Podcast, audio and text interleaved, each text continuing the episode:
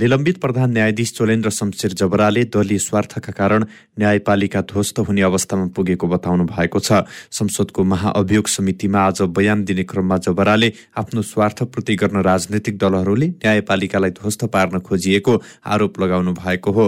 उहाँले दलहरूलाई साथमा लिएर प्रधान न्यायाधीश हुने स्वार्थका कारण आफूलाई महाअभियोग लगाइएको जिकिर गर्नुभयो। जबराले बारले आफूलाई हटाउन खोज्दा नसकेपछि दलहरूको सहारा लिएको आरोप पनि लगाउनुभयो। उहाँले कानुनी शासनलाई उपेक्षा गर्दै गठबन्धनले निर्णय गरेर आफूलाई महाअभियोग लगाएको जिकिर गर्नुभयो। बयानका क्रममा जबराले आफूलाई लगाइएको आरोप पुष्टि हुने कुनै आधार नभए नभएर नै आफू समितिमा फेस गर्न आएको र कुनै हालतमा महाअभियोग पारित हुन नसक्ने पनि बताउनु भएको छ। त्यस्तै उहाँले सर्वोच्च अदालतको भवन निर्माणका क्रममा कुनै अनियमितता नभएको र अनियमितता भएको भए अख्तियारले नै टुङ्गो लगाउने उल्लेख गर्नुभयो। आजसम्म जबरासँग समितिले पैँतिसवटा प्रश्न सोधिएको छ। अब आठवटा प्रश्न मात्रै बाँकी रहेका छन्। ती प्रश्न सकिए लगतै बयानका क्रममा जबराले नाम मुछेका व्यक्तिहरूसँग पनि समितिले सोधपुछ गर्ने समितिको तयारी रहेको छ। बयानसँगै प्रतिवेदन लेखन पनि भइरहेको समितिले जनाएको छ यता जबराले समकक्षी न्यायिक क्षेत्रका व्यक्तिहरूलाई आक्षेप लगाएको मिन विश्वकर्माले तर्क गर्नु भएको छ। बयानका क्रममा जबराले पूर्व प्रधान न्यायाधीशलाई अशोभनीय शब्द प्रयोग गरेको विश्वकर्माले बताउनुभयो। बयानबारे छलफल गर्न समितिको अर्को बैठक आगामी अठाइस गते मङ्गलबार बस्ने भएको छ। समितिले भदौ पन्ध्र गतेबाट जबरासँग बयान लिन सुरु गरेको थियो। जबरा विरुद्ध गत फागुन एक गते गते जना सांसदले महाअभियोगको प्रस्ताव दर्ता गराएका थिए। प्रस्ताव दर्ता भएसँगै जबरा स्वत निलम्बनमा पर्नु भएको हो। प्रतिनिधि सभा अन्तर्गतको विकास तथा प्रविधि समितिले काठमाडौँ निजगढ द्रुत मार्ग आयोजनाको ठेक्का व्यवस्थापन प्रक्रियामा संलग्न आयोजना प्रमुख लगायतका जिम्मेवार पदाधिकारीहरूलाई कारवाही गर्न सरकारलाई निर्देशन दिएको छ। विकास तथा प्रविधि समितिको आज सिंहदरबारमा बसेको बैठकले सो आयोजनाको ठेक्का सम्झौता सम्बन्धी छानबिन समितिको प्रतिवेदनलाई आधार मानेर ठेक्का व्यवस्थापन प्रक्रियामा संलग्न आयोजना प्रमुख लगायतका जिम्मेवार पदाधिकारीलाई कारवाही गर्न निर्देशन दिएको हो।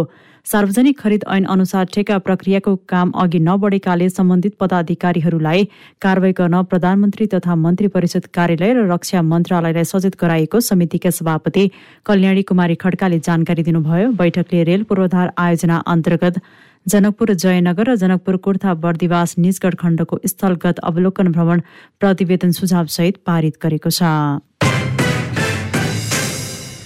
नेकपा माओवादी केन्द्रका अध्यक्ष पुष्पकमल दाहाल प्रचण्डले अबको पाटो आफ्नो सङ्कल्प विकास र समृद्धि शान्ति र स्थायित्व भएको बताउनु भएको छ। काठमाडौँमा आज दोस्रो नेपाल युवा उद्यमशीलता सम्मेलनलाई सम्बोधन गर्दै प्रचण्डले आफूले राजनैतिक लडाईँको नेतृत्व सफलतापूर्वक सम्पन्न गरेकाले अब सम्पूर्ण ध्यान सङ्कल्प विकास र समृद्धि शान्ति र स्थायित्वमा केन्द्रित हुने बताउनु भएको हो।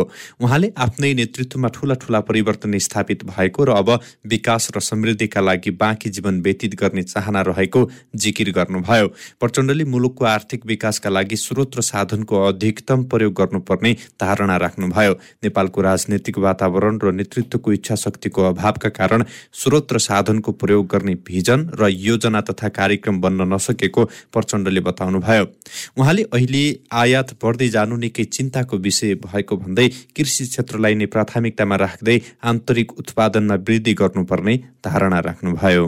देशको लागि समाजको लागि र हामी सबैको लागि आवश्यक कुरा भनेको कृषि नै हो। कृषिमा आत्मनिर्भर हुने कुरा र कृषिमा आधारित उद्योगहरूको विकास गर्ने कुरा नेपाल र नेपालीहरूको लागि सबैभन्दा महत्त्वपूर्ण कुरा छ। पचास साठी वर्ष अगाडि हामी खाद्यान्नमा आत्मनिर्भर थियौँ। विस्तृत शान्ति सम्झौता मार्फत युद्धलाई शान्तिमा रूपान्तरण गर्ने कुराको पनि मलाई नेतृत्व गर्ने अवसर प्राप्त भयो। यो पनि सबैले सधैँ पाउने कुरा होइन। देशको आर्थिक क्रान्तिको लागि बाँकी जीवन समर्पित गर्ने मैले अठोट गरेको छु। त्यस्तै प्रचण्डले मुलुकको विकासका लागि भौतिक पूर्वाधार मात्रै नभए डिजिटल पूर्वाधार आवश्यक रहेकाले यसमा युवाहरूको विशेष ध्यान जानुपर्ने बताउनुभयो। निर्वाचन आयोगले आगामी मङ्सिर चार गते हुने प्रदेश सभा र प्रतिनिधि सभा निर्वाचनको समानुपातिक तर्फको निर्वाचन कार्यतालिका सार्वजनिक गरेको छ। आयोगले सार्वजनिक गरेको तालिका अनुसार दलहरूले असोज दुई र तीन गते उम्मेद्वारको बन्द सूची आयोगमा पेश गर्नुपर्नेछ। असोज चार गतेदेखि नौ गतेसम्म आयोगले बन्द सूचीमाथि छानबिन गर्नेछ। सो कानून अनुसार नभएमा सच्याउन दलहरूलाई सूचित गर्ने पनि कार्यतालिका रहेको छ। दलहरूले बन्द सूची संशोधन गरी असाज दस गतेदेखि सोह्र गतेसम्म पेश गर्नुपर्ने कार्यतालिकामा उल्लेख गरिएको छ। सत्ता गठबन्धनले सिट बाँडफाँटको टुङ्गो लगाउन गठित कार्यदलले बुझाएको प्रतिवेदनमा आधारित भएर थप सहमति खोज्ने प्रयास गरेको छ। प्रधानमन्त्री निवास बालुवाटारमा आज बसेको गठबन्धन बैठकमा कार्यदलले बुझाइएको प्रतिवेदनमाथि छलफल भएको र सिट बाँडफाँडमा नमिलेका विषयमाथि सहमति खोज्ने प्रयास भएको नेकपा एकीकृत समाजवादीका नेता झलनाथ खनालले जानकारी दिनुभयो। कार्यदलले केही कुरा मिलाएको र धेरै विषय मिलाउन बाँकी रहेको उहाँको भनाइ छ। खनालले पुनः भोलि बिहान आठ बजे बैठक बसेर अधिकांश विषय टुङ्गो लगाउने जानकारी दिनुभयो। हामीले अब यही तालमेलको बारेमा छलफलहरू गर्यौँ। कार्यदलले अहिलेसम्म गरेको कुराहरूको बारेमा त्यहाँ रिपोर्टिङ भयो। त्यो रिपोर्टिङ भइसकेपछि कैयौँ कुराहरू मिलिसकेको र कैयौँ कुराहरूमा चाहिँ मिलाउन बाँकी रहेको। यी कुराहरू रिपोर्टिङ भएको छ र त्यो आधारमा अब हामी भोलि बसेर यो सबै कुराहरूको टुङ्गो गर्ने भनेर निर्णय गरेका छौँ। भोलि बिहान आठ बजीदेखि हामी भोलि हामीले सकेसम्म टुङ्गो लगाउँछौँ के के बाँकी भए बाँकी ट्याङ्की कुराहरू अगाडि जालान् तर अधिकांश विषय भोलि टुङ्गो लाग्छ। चीनको राष्ट्रिय जनकङ्ग्रेस स्थायी समितिका अध्यक्ष ली झान्सुले भोलि तीन दिने भ्रमणका क्रममा नेपाल आउनुहुने भएको छ। अध्यक्ष ली भोलि अपरान्न विशेष विमानबाट काठमाडौँ आइपुग्नुहुने परराष्ट्र मन्त्रालयका प्रवक्ता सेवा लम्सालले जानकारी दिनुभयो। सभामुख अग्नि प्रसाद सापकोटाको निमन्त्रणामा उहाँ नेपाल आउन लाग्नु भएको हो। सभामुख सापकोटा र अध्यक्ष लीले भोलि प्रतिनिधि मण्डल स्तरीय द्विपक्षीय वार्ता गर्नुहुने पनि मन्त्रालयले जनाएको छ। सोही साँझ सभामुख सापकोटाले अध्यक्ष ली र उहाँको प्रतिनिधि मण्डलका सदस्यको सम्मानमा रात्रि भोजको पनि आयोजना गर्नुहुनेछ। नेपालमा रहँदा अध्यक्ष लीले राष्ट्रपति विद्यादेवी भण्डारी प्रधानमन्त्री शेरबहादुर देवा राष्ट्रिय सभाका अध्यक्ष गणेश प्रसाद तिमिल परराष्ट्र मन्त्री डाक्टर नारायण खड्का लगायतका शीर्ष व्यक्तित्वहरूसँग शिष्टाचार भेटवार्ता गर्नुहुने कार्यक्रम रहेको मन्त्रालयले जनाएको छ। नेपाली कङ्ग्रेसका नेता शेखर कोइरालाले बहुमत ल्याउन कङ्ग्रेसले एक सयवटा प्रतिनिधि सभा क्षेत्रमा उम्मेद्वारी दिनुपर्ने बताउनु भएको छ।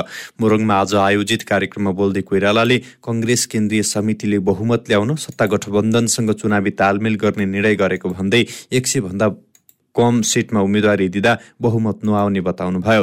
उहाँले कङ्ग्रेसले दुई हजार चौरात्तरमा एक्लै जितेका क्षेत्रमा अरूलाई दिने हो भने पार्टीभित्र विद्रोह हुन सक्ने पनि बताउनुभयो। उहाँले स्थिर सरकार चलाउन कङ्ग्रेसको बहु बहुमत आउनुपर्ने पनि बताउनुभयो। कङ्ग्रेस नेतृत्वमा अबको सरकार बनाउने र गठबन्धनमा रहेका दलहरूलाई मन्त्रीमा समावेश गर्न सकिने पनि उहाँको भनाइ छ। नेपाली कंग्रेसका महामन्त्री गगन कुमार थापाले काठमाडौँको धोबी खोला कोरिडोरको कपन बुढा नीलकण्ठ डुबान नियन्त्रणको काम सरकारलाई छुट्टै आयोजना बनाउन माग गर्नुभएको छ। प्रस्तावित धोबी खोला कोरिडोरको कपन बुढा नीलकण्ठ डुबान नियन्त्रण आयोजना सम्बन्धित अन्तक्रियामा बोल्दै महामन्त्री थापाले धोबी खोला कोरिडोरको कपन बुढा नीलकण्ठ डुबान नियन्त्रण गर्न अहिले विभिन्न खण्ड खण्डमा स्थानीय नगरपालिका प्रदेश सरकार र काठमाडौँ उपत्यका विकास प्राधिकरणले काम गरिरहेको बताउनु भयो सो क्षेत्रको आफू प्रतिनिधि भएकाले कपन खरेमा बाढी आउन साथ सबैभन्दा धेरै गाली खानु परेको पनि उहाँले गुनासो गर्नुभयो। कार्यक्रममा शहरी विकास मन्त्री मेटमणि चौधरीले कपन बुढा नीलकण्ठ डुबान नियन्त्रणका लागि छुट्टै आयोजना बनाएर काम गर्ने आश्वासन दिनुभएको थियो। वर्षाको बिरगंज महानगरपालिका दुईमा स्रोत नखुलेको सात लाख त्रिपन्न हजार तीन सय रुपियाँसहित एकजनालाई प्रहरीले पक्राउ गरेको छ। पोखरिया नगरपालिका नौ बेरिया बिर्ता बस्ने पैंतिस वर्षीय मोहम्मद रिजवान आलमलाई आज दिउँसो प्रहरीले पक्राउ गरेको हो। विशेष सूचनाको आधारमा जिल्ला प्रहरी कार्यालय पर्साबाट खटिएको प्रहरीले प्रदेश दुई अब्लिक तीन अब्लिक शून्य एक दुई प बिस छयासी नम्बरको मोटरसाइकल जाँच गर्ने क्रममा मोटरसाइकलमा सवार उनलाई स्रोत नखुलेको सो नगदसहित फेला पारी पक्राउ गरेको हो। उनी उपर ब्याङ्क तथा वित्तीय संस्था सम्बन्धी ऐन दुई हजार त्रिहत्तर विरुद्धको कसुरमा अनुसन्धान भइरहेको प्रहरीले जनाएको छ। नेपालमा थप एक सय चारजनामा कोरोना संक्रमण पुष्टि भएको छ। देशभर गरिएको एक हजार पाँच सय बयानब्बे पिसिआर परीक्षणका क्रममा उनानब्बेजना र एक हजार नौ सय पन्चानब्बे एन्टिजेन परीक्षणका क्रममा पन्ध्रजनामा कोरोना संक्रमण पुष्टि भएको हो। कोरोनाका कारण थप दुईजनाको मृत्यु भएको स्वास्थ्य मन्त्रालयले जनाएको छ। त्यस्तै थप दुई सय एक संक्रमित कोरोना मुक्त भएका छन्। हाल नेपालमा दुई हजार तीन सय सोह्र सक्रिय संक्रमित आइसोलेसनमा रहेको मन्त्रालयले जनाएको छ। डेङ्गुबाट बागमती प्रदेशमा एकै दिनमा दुईजनाको मृत्यु भएको छ। मृत्यु हुनेमा हेटौँडा उपमहानगरपालिका एक चौकीटाल निवासी तेह्र वर्षीय बालक र ललितपुर ग्वारको निवासी छत्तीस वर्षीय पुरुष रहेका छन्। उनीहरू दुवैको आज काठमाडौँ स्थित अस्पतालमा उपचारका क्रममा मृत्यु भएको बागमती प्रदेश स्वास्थ्य निर्देशनालयले जनाएको छ। बागमती प्रदेश स्वास्थ्य निर्देशनालयका निर्देशक महेश्वर श्रेष्ठले मृतक दुवैजना डेङ्गुबाट संक्रमित भएको र अब स्वस्थ भई काठमाडौँ स्थित अस्पतालमा उपचाररत रहेको बताउनुभयो। बागमती प्रदेशमा हालसम्म डेङ्गुका संक्रमितको संख्या आठ हजार नौ सय सत्र पुगेको छ र सबैभन्दा बढी संक्रमित ललितपुरमा रहेको छ। त्यस्तै मकवानपुरमा एक हजार पैँतालिस चितवनमा दुई हजार पाँच धादिङ जिल्लामा एक सय एक्काइसजनामा डेङ्गुको संक्रमण पुष्टि भएको छ। यी पाँचवटा जिल्लाहरूमा संक्रमितको संख्या निकै बढेको छ। डेङ्गुबाट जोगिन प्रमुख उपाय लामकोटेको टोकाइबाट बस्नु नै भएकाले आफ्नो वासस्थान वरपर वातावरण सफा राख्न पानी जम्न नदिन र व्यक्तिगत सतर्कता अप्नाउन विज्ञहरूले सुझाव दिएका छन्। ललितपुर महानगरपालिकाले लगनखेल बस पार्क नजिक सार्वजनिक जग्गामा रहेको मन्जुश्री पेट्रोल पम्प बन्द गराएको छ। महानगरको टोलीले केही संरचना हटाई तार जाली लगाएर पम्प बन्द गराएको हो। सार्वजनिक जग्गामा रहेको उक्त पम्प खाली गर्न पटक पटक सूचना जारी गर्दा पनि नहटाएपछि महानगरले नै बन्द गराएको। महानगरका प्रमुख चिरी बाबु महर्जनले जानकारी दिनुभयो। उहाँले महानगरपालिकाभित्र रहेका अवैध संरचनाको शुभारम्भ गरिएको र अब महानगर कडा रूपमा प्रस्तुत हुने पनि बताउनुभयो। उहाँले आफूले पहिलो कार्यकालको दोस्रो वर्षदेखि नै अवैध संरचना हटाउने काम सुरु गरेको भन्दै ललितपुर महानगरमा बालिन शाहको कामको कुनै प्रभाव नपरेको जिकिर गर्नुभयो। जग्गा चाहिँ सार्वजनिक जग्गा हो। सार्वजनिक जग्गामा चाहिँ धेरै वर्ष पहिला महानगरपालिकाको बोर्ड बैठकमा धेरै पटक निर्णय भएर हटाउनुको निमित्त विधिसम्म तपाईँले भनिसके पत्र पनि धेरै उता काटिसके उहाँले चाहिँ हटाउँछु भनेर पनि भनेको। तर अहिलेसम्म पनि कार्यान्वयन नगरेको हुनाले चाहिँ हामीले बाध्यता बस हामीले आएर हटायौँ। होइन यो चाहिँ यो चाहिँ महानगरपालिकामा यस्तो किसिमको संरचनाहरू थुप्रै छन्। तर हामीले त्यो थुप्रै हुँदाखेरि पनि कुनै पनि एउटा संरचनालाई हटाउँदाखेरि हामी विधि पुऱ्याउनु मात्रै हटाउँछौँ। जसरी आज हामीले यो विधि पुऱ्यायौँ हटायौँ। तसर्थ अब अन्य संरचनाको सन्दर्भमा पनि हामी विधि पुऱ्याउँछौँ त्यसपछि हामी हटाउँछौँ त्यो तपाईँले देख्नुहुनेछ। यसअघि महानगरले लगनखेल स्थित आफ्नै भवनमा रहेको अवैध संरचना पनि हटाएको थियो। यसैबीच काठमाडौँ महानगरले पनि आज अनधिकृत रूपमा नक्सा विपरीत बनाएका संरचना हटाउने कार्यलाई तीव्रता दिएको छ। सोही क्रममा महानगरले आज कोटेश्वर तिनकुने सडक खण्डमा नक्सा पास बिना बनाएका संरचना भत्काएको हो। नागरिकता विधेयक खारेज गर्नुपर्ने भन्दै अनेरा सोबियुले काठमाडौँमा प्रदर्शन गरेका छन्। नागरिकता विधेयक राष्ट्रको हितमा नरहेको र यसलाई खारेज गर्नुपर्ने भन्दै अनेरा सोबियुले आज काठमाडौँको त्रिचन्द्र क्याम्पस अगाडि प्रदर्शन गरेका हुन्। सो क्रममा उनीहरूले नागरिकता विधेयक खारेज कर नागरिकता बेच्न पाइँदैन दलालहरू होसियार लगायतका नारासहित प्रदर्शन गरेका थिए। अहिलेका नागरिकता विधेयकले विदेशीहरूलाई नागरिकता दिने बाटो खुल्ला हुने भएकाले खारेज गर्नुपर्ने अनेरा सोबियुको भनाइ छ। यसअघि आज नै नेवी संघले पनि राष्ट्रपतिले नागरिकता विधेयक पारित गर्नुपर्ने गर्ने भन्दै त्रिचन्द्र क्याम्पस अगाडि प्रदर्शन गरेका थिए। पर्सामा करेन्ट लागेर एकजनाको मृत्यु भएको छ। वीरगञ्ज महानगरपालिका तेह्र राधेमाई बस्ने फुल मोहम्मद अन्सारीको घरमा मिस्त्री काम गर्ने क्रममा करेन्ट लागेर सखुवा प्रसौनी गाउँपालिका छ लखनपुर बस्ने सत्ताइस वर्षीय इसुराई मियाको आज बिहान मृत्यु भएको हो। अन्सारीको घरमा चपाकल जडान गर्ने क्रममा विद्युतको तार फलामको पाइपमा सर्ट भई मियालाई करेन्ट लागेको थियो। करेन्ट लागेर गम्भीर घाइते भएका उनको उपचारका लागि अस्पतालतर्फ लैजाने क्रममा बाटोमै मृत्यु भएको हो। सर्लाईमा मोटरसाइकलको ठक्करबाट पैदल यात्रीको मृत्यु भएको छ। मृत्यु हुनेमा बलरा नगरपालिका नौ खरैया टोल बस्ने साठी वर्षीय जनक महरा रहेका छन्। बिहार तिस ए शून्य सात बयासी नम्बरको मोटरसाइकलको ठक्करबाट गम्भीर घाइते भएका महराको एलएस न्युरो अस्पतालमा उपचारका क्रममा आज मृत्यु भएको हो। मोटरसाइकल चालकलाई प्रहरीले नियन्त्रणमा लिएको छ भने यस सम्बन्धमा प्रहरीले आवश्यक अनुसन्धान गरिरहेको छ। परराष्ट्र मन्त्री डाक्टर नारायण खड्काले चीनसँगको तातोपानी नाकालाई सहज रूपमा खुला गर्न आफूले निरन्तर चिनिया अधिकारीहरूसँग छलफल गरिरहेको बताउनु भएको छ। कंग्रेस नेता मोहन बहादुर बस्नेतसहित व्यवसायीहरूको टोलीले छलफलका क्रममा आज मन्त्री खड्काले सो नाकालाई सहज रूपमा सञ्चालनका लागि आफूले पटक पटक चिनिया अधिकारीहरूसँग छलफल गरेको बताउनु भएको हो। उहाँले चीनबाट सामान ल्याउनका लागि नाका सहज भए पनि पछिल्लो समय देखिएका विभिन्न समस्याका बारेमा सरकार जानकार रहेको पनि जिकिर गर्नुभयो। तिब्बतमा कोरोनाको उच्च संक्रमण रहेकाले पनि नाका खुल्ला गर्नका लागि आनाकानी भएको देखिएपछि चाडपर्वका लागि सामान आयात गर्नका लागि पनि सरकारले पटक पटक ध्यान आकर्षण गराइरहेको पनि उहाँले बताउनुभयो। उहाँले आपूर्ति सहज गर्नका लागि आफू प्रयत्नरत रहने र सकारात्मक नतिजा निस्कने पनि उल्लेख गर्नुभयो। अत्यन्त उच्च जोखिम भनेर भनिसकेपछि त्यस्तो उतातिर हामीले खोल्ने भनेर चाहिँ संहिता गऱ्यो यतातिर फेरि बन्द गर्नुपर्ने अवस्था पनि भयो भनेर चाहिँ यहाँहरूले पनि भने मलाई। यसलाई म एकदमै तात्विकताका साथ दसैँभन्दा अगाडि दसैँ लाइ नै सक्यो। यसलाई चाहिँ हाम्रो आपूर्ति सहज हुने हिसाबले एकदमै जोरदार पहल गरेर चाहिँ भर्सक्कै सकारात्मक नतिजा निकाल्नको लागि म प्रयत्नरत हुनेछु र मलाई आशा छ कि यहाँहरूको माग पुरा गर्नको लागि हामी सक्षम हुनेछौँ। त्यस्तै कंग्रेसका नेता बस्नेतले नेपाली व्यापारीहरूले करोडौं लगानी गरेर सामान खरिद गरेर नेपाल भित्रन नप्याउँदा व्यवसायीहरू मर्कामा परेको बताउनु भयो उहाँले नेपाल सरकारको पहलमा चीनले सामान भित्राउन सहजीकरण गर्ने पनि विश्वास व्यक्त गर्नुभयो। सामान्य प्रधानमन्त्री शेरबहादुर देवजी प्रधानमन्त्री हुनुभएपछि र मान्य परराष्ट्र मन्त्री डाक्टर नारायण खड्का हुनुभएपछि त्यहाँबाट मल ल्याउने काममा पनि उहाँले अलिकति सहजीकरण गरिदिनु भयो कन्टेनर थपाइदिने कुरामा पनि अलिकति सहजीकरण गर्नुभयो र त्यो कुरा महामहिम चिनिया राजदूतलाई निवास नै बोलाएर मन्त्रीज्यूले मन्त्रालय बोलाएर पनि कुरा गरिदिनु भयो त्यसपछि अहिले व्यवसायी साथीहरूले अलिकति आशा जागेको छ हामीलाई भएर चाहिँ भनिरहनु भएको छ। र मलाई पनि अब के विश्वास छ भने चिन जस्तो देश हामी चिन र भारतको बिचमा एउटा चाहिँ स्ट्राटेजिकली एकदमै महत्त्वपूर्ण ठाउँमा हामी पनि बसेका छौँ।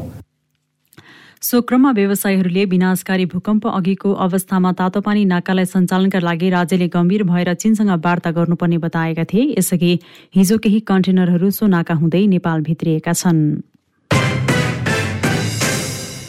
कारोबारको पहिलो दिन आज नेप्सी परिसूचक घटेको छ। नेप्सी आज एघार दशमलव चार छ अङ्कले घटेर एक हजार नौ सय छब्बिस दशमलव दुई आठ बिन्दुमा पुगेको हो। आज दुई सय एक्काइसवटा कम्पनीको पच्चिस लाख चौबिस हजार दुई सय चौबिस किता सेयर चौरात्तर करोड बहत्तर लाख छब्बिस हजार रुपियाँमा कारोबार भएको छ। आज सबैभन्दा धेरै हिमालयन एभरेस्ट इन्सुरेन्सको तीन करोड पन्चानब्बे लाख रुपियाँको सेयर कारोबार भएको छ। अन्य बाहेक सबै समूहको सेयर घटेकोमा विकास बैङ्क जलविद्युत र फाइनान्स समूहको सेयर उच्च अङ्कले ओह्रालो लागेको छ। आज मैलुङ खोला जलविद्युत कम्पनीको सेयर भने साढे चार प्रतिशतले बढेको छ। सानीमा म्युचुअल फन्ड र छ्याङदी हाइड्रोको सेयर झण्डै साढे पाँच प्रतिशतले घटेको छ।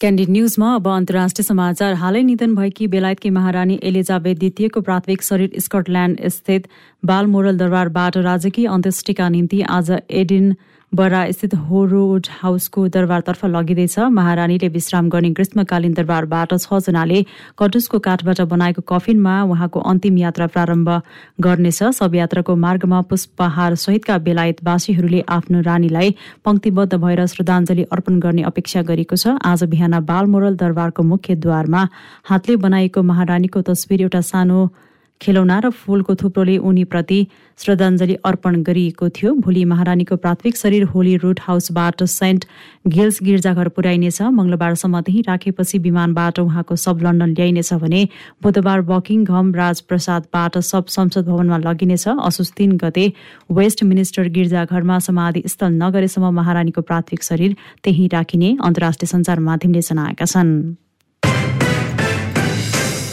कानुनी कागजात नभएको आरोपमा पक्राउ परेका तीन सय आफ्ना नागरिकलाई रिहा गर्न अफगानिस्तानको तालिबान सरकारले पाकिस्तानसँग वार्ता गरिरहेको छ। संयुक्त राष्ट्र संघीय शरणार्थी उच्चायुक्त युएनएचसिआको अनुसार प्रतिवेदन अनुसार पाकिस्तान सबैभन्दा धेरै अफगानी शरणार्थीका लागि आश्रय स्थल बनेको छ।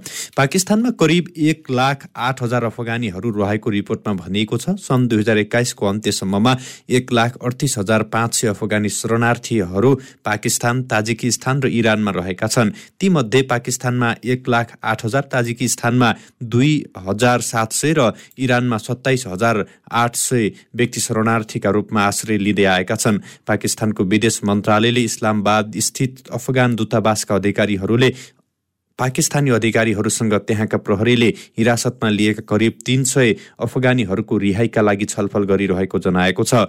परराष्ट्र मन्त्रालयका उपप्रवक्ता हाजी हाफिज जिया अहमद टक्कलले एक भिडियोमा अफगान दूतावासको प्रयासका लागि प्रयासका कारण केही बन्दीलाई मुक्त गरिएको बताएका छन्। पाकिस्तानी प्रहरीले महिला र बालबालिका सहित करिब तीन सय अफगानीलाई पक्राउ गरेको टोलो न्युजले जनाएको छ।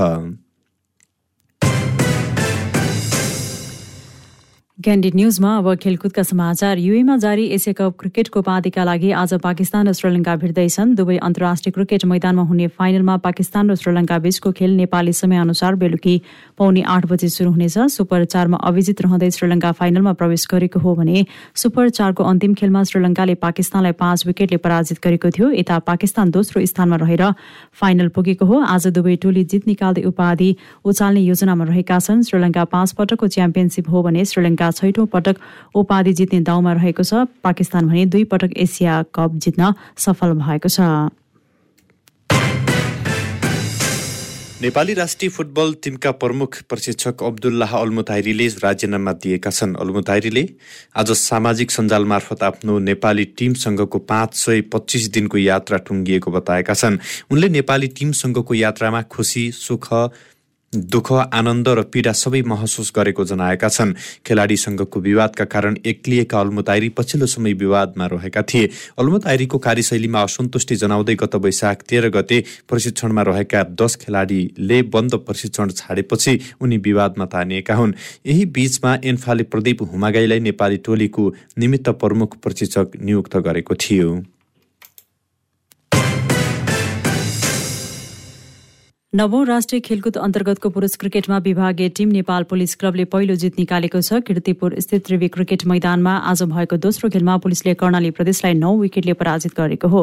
कर्णालीले दिएको छयासी रनको लक्ष्य पुलिसले दस ओभर चार बलमा एक विकेट गुमाएर पूरा गर्यो। त्यसअघि पहिले ब्याटिङ गरेको कर्णालीले उन्नाइस ओभर तीन बलमा अल आउट हुँदै पचासी रन बनाएको थियो। यसअघि सोही मैदानमा भएको पहिलो खेलमा भने सुदूरपश्चिमले प्रदेश नम्बर एकलाई तेह्र रनले पराजित गर्दै पहिलो जित निकालेको छ। सुदूरपश्चिमले दिएको एक सय पैँतालिस रनको लक्ष्य पछ्याएको प्रदेश एकले बीस ओभरमा सात विकेट गुमाएर मात्र एक सय एकतिस रन बनाउन सक्यो। यसअघि मुलपानी क्रिकेट मैदानमा तय भएको दुई खेल भने वर्षाका कारण मैदान भिजेपछि रद्द भएको थियो। र ब्यास युवा क्लबको आयोजनामा असोज तिन गतेदेखि तनहुको दमौलीमा नाइन ए साइड फुटबल प्रतियोगिता आयोजना हुने भएको छ। क्लबले आज काठमाडौँमा पत्रकार सम्मेलन गरी फुटबल प्रतियोगिता असोज तिन गतेदेखि दस गतेसम्म आयोजना हुने जनाएको हो। दमौलीको बिपी वन बाटिकाको मैदानमा आयोजना हुने प्रतियोगितामा कुल बयालिस टोलीले सहभागिता जनाउने क्लबका अध्यक्ष मिन बहादुर गुरुङले बताउनुभयो। नक आउटको आधारमा सञ्चालन हुने प्रतियोगितालाई अखिल नेपाल फुटबल सङ्घ एन्फाको प्राविधिक सहयोग हुने उहाँले बताउनुभयो प्रतियोगिताको विजेताले एक लाख एघार हजार एक सय एघार रुपियाँ दोस्रो हुने टोलीले पचपन्न हजार पाँच सय पचपन्न रुपियाँ पाउने आयोजकले जनाएको छ।